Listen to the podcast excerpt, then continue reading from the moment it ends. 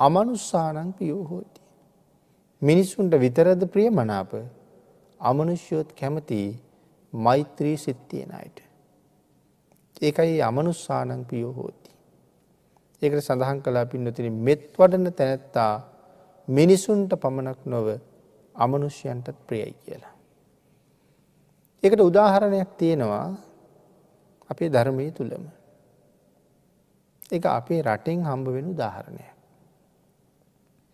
එතන සඳහන් කරනවා මේ දඹදිව පැලලුප් කියන නුවර ජීවත්වෙච්ච එක සත්පුරුෂයෙක් කල්පනා කළා මේ සංසාර ඉක්මට කෙලවර කර ගණ්ඩුවන කියලා.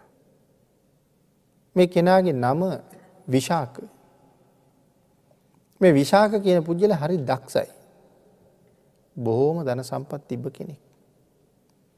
මෙයට අහන්ඩ ලැබුණා ලක් දිව ගැන. බොහෝම හොඳ රටක්.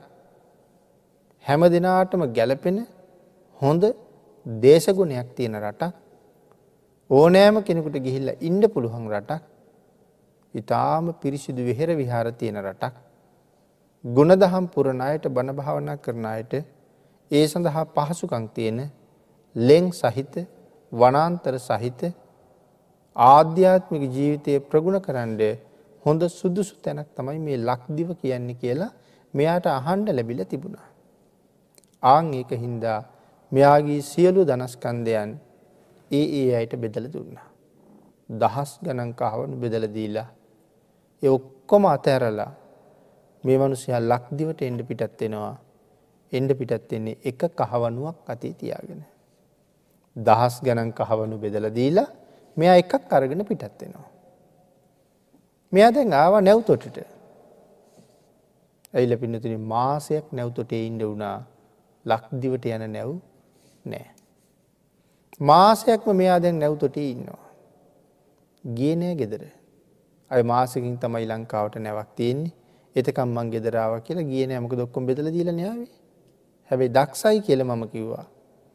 අර කහවනුව උපයෝගි කරගෙන මෙයා කහවනු දාහක් හම්බ කෙරුවා මේ මුහුදු ඇල්ලි ඉඳගෙන. ඒ කහවනු දාහත් දැන් අතේ තියෙනවා. ඕකත් අරගෙන නිසි කාලෙට නැවාව ඒ නැවින් ගොඩ වෙලා ලංකාවටාව. ලංකාවට ඇවිල්ල රට තොට බලලා මෙයා අනුරාධපුරිත් ඇවිල්ලා මහා විහාරයට ගොඩ වෙලා රාතන් වහන්සේලට සඳහන් කළා ස්වාමීණී මමත්තාවි පැවිදිවෙන්න කියලා. උන්වහන්සේලා මේ මනුස්සයට අනුකම්පා කරලා සත්පුරුෂයෙක් වෙන්ඩ ඕන කියල හිතලා මෙයා අඩගහගෙන පෝය සීමාවට ඇවිල්ල නැත පැවිදි කරන තැන සීමා මාලකේ මෙයා පැවිදි කරන්න දැන් කටයුතු සංවිධානය කරලයි තියෙන්නේ. මෙයා ගිහිවත් අයින් කරලා චීවර දරන්න සුදුසු පුද්ගලය බවට පත් කරන්න හදන්නේ. මෙයා ස්වාමීන් වහන්සේලා ඉස්සර අපිට මෙයාගේ ඉනේ තිබිල මොකක්දෝ පාර්සලයක් අරගෙන පැත්තක තිබ්බා. ඒක මොකක්ද කියල ස්වාමීන් වහසල ඇහුවා. මෙය කරුණු කිව්වා. සියලු සම්පත් බෙදල දීලාවි එක කහවනුවක් කරංආව මෙහෙම නැව්තොටේ ඉන්ඩ වුණා ඒ කාලේ ඒ කහවනුවෙන් මං කහවනු දාහක් හෙව්වා මේ කහවනු දාහා. ඒ වෙලාවේ ස්වාමින් වහන්සල සඳහන් කළා පැවිදි වෙන්ඩ නම් ඒටික අයින් කරලම එන්ඩ කියලා. මෙයත් කාරණාව තේරුම් අරගෙන මෙයා පැවිදිනවා බලන්ඩ විශාල පිරිසක් එකතු වෙලා. ඒ කහවනු පොදිය ලෙහෙලා අර මිනිස්සු ඉන්න දිහට ගිහිල්ලා කැමති කැමති කෙනෙක් අහුල ගණඩ කියල ඔක්කොම ඔක්කොම උඩ දැම්ම. උඩ දාල් ඇවිල්ලා මෙයා පැවිදි වුණා. පැවිදි වෙලා සුදුසු කාලයේ නිමාවෙන තාක්කල් තමන්ගේ ආචාරිවරුන් යටතේ ධර්මය ඉගෙන ගත්තා. විනය ඉගෙන ගත්තා. අභිධර්මය වගේ දේවල් ඉගෙන ගත්තා. එනම් විනේ සූත්‍ර අභිධර්ම කියනම ත්‍රිපිටකේම හොතර ඉගෙන ගත්ත කරුණු කාරණා. ඉගෙනගෙන මෙයා ඒ පැවිදි වෙච්ච තැනින් පිටත් වෙලා තවත් තැනකට ගියා. එහෙත් ටික කාලයක් ගත කරලා මෙයා පිටත් වුණා සිතුල් පව්ව පැත්තියන්ට. ද මගට ඇවිල්ල ඉන්නවා. හන්දියට ඇවිල්ල ඉන්න සිතුල් පවට යන්ට පාරදන්නය කොයි පැත්තට යන්න කියලා. ආං ඒ වෙලාවේ දේවතාවෙක් උන්වහසට පාර පෙන්වා. මෙන්න මේ පැත්තෙන් සිතුල් පව්වට යන්න කියලා. උන්වහස සිතුල් පව්වට ගෙල්ලා බොහෝම සතුටින් කාලය ගත කරමින් හිටියා. මෛත්‍රී චිත්තේ තමයි හැම වෙලාම දියුණු කරන්නේ. ඒ කාලයක් ඉඳලා පස් කාලයක් නිමා කරලා උන්වහස ආපහු එන්ඩ තීරණය කළා.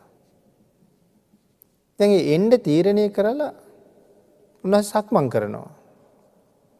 ටික වෙලාව කෙනකට සක්මන කෙරවලයක් කෙනෙ කණ්ඩනවා. කතා කර ලෙහෝ කවුදොත්තන අන්නන්නේ.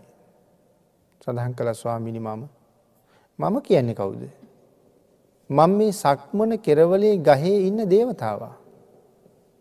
ඇයි අනන්න කියල ඇහුවා. අනි ස්වාමීණි ඔබහන්සේ තුම් මාසයක් මේ වනන්තරේ මේ කුටිය වැඩ හිටියා. ඔබහන්සේගේ මෛත්‍රී චිත්තය නිසා මේ කැලෑවේ ඉන්න සියලු අමනුස්යෝ මෛත්‍රී සිත් පෙර දැරි කරගෙන ඔවුනොවුන් කෙරෙහි කලහවිවා දැති කරගන්න නැතුව බොහෝම ප්‍රීතියෙන් ඉන්නවා. ඔබ වහන්සේ වැඩිය ගමන් ඒ මෛත්‍රිය මේ ගොල්ලු ගාවින් නැතුව යනවා. ඒ හින්ද ස්වාමීණී උබහන්සේ වැඩඉන්නවනම් අපි හරි කැමති. විශේෂයෙන් මම කැමති මොකද මේ ගොල්ලු කලහවිවාද කරගන්නේ නෑ. තවත් හාරමාසයක් උන්වහස වැඩ හිටිය. එදත් වඩින්ඩ යනකොට දෙවිය අඩනවා. තවත් කාලයක් වැඩ හිටිය. ආයත් යන්ඩ යනකොට දෙවියෝ අඩනවා. අන්තිමට උන්වහන්සේ පිරිනිවන් පානතුරේ ප්‍රදේශි වැඩ හිටිය. අමනුස්සානං පියෝ හෝති. මෛත්‍රී කරන අය අමනුෂ්‍යයන්ට කොච්චර ප්‍රියද. පිනතින මේ අමනුස්්‍යයෝ කියල කියහම අපිට හුඟක් වෙලාවට හිතන මේ යක්කු භූතයෝ පිසාචයෝ තම යමනුස්්‍යයෝ කියලා. එතකොට දෙවියෝ කවුදෙහෙන. ඒත් අමනුෂයෝ. සත්තු ඒත් අමනුෂයෝ. ඇයි අමනුස්ස කියල කියන්නේ. මනුස්ස නොවන.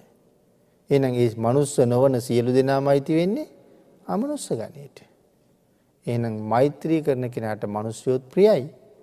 ඒ වගේම අමනුස්්‍යයොත් බොහෝම ප්‍රියයි.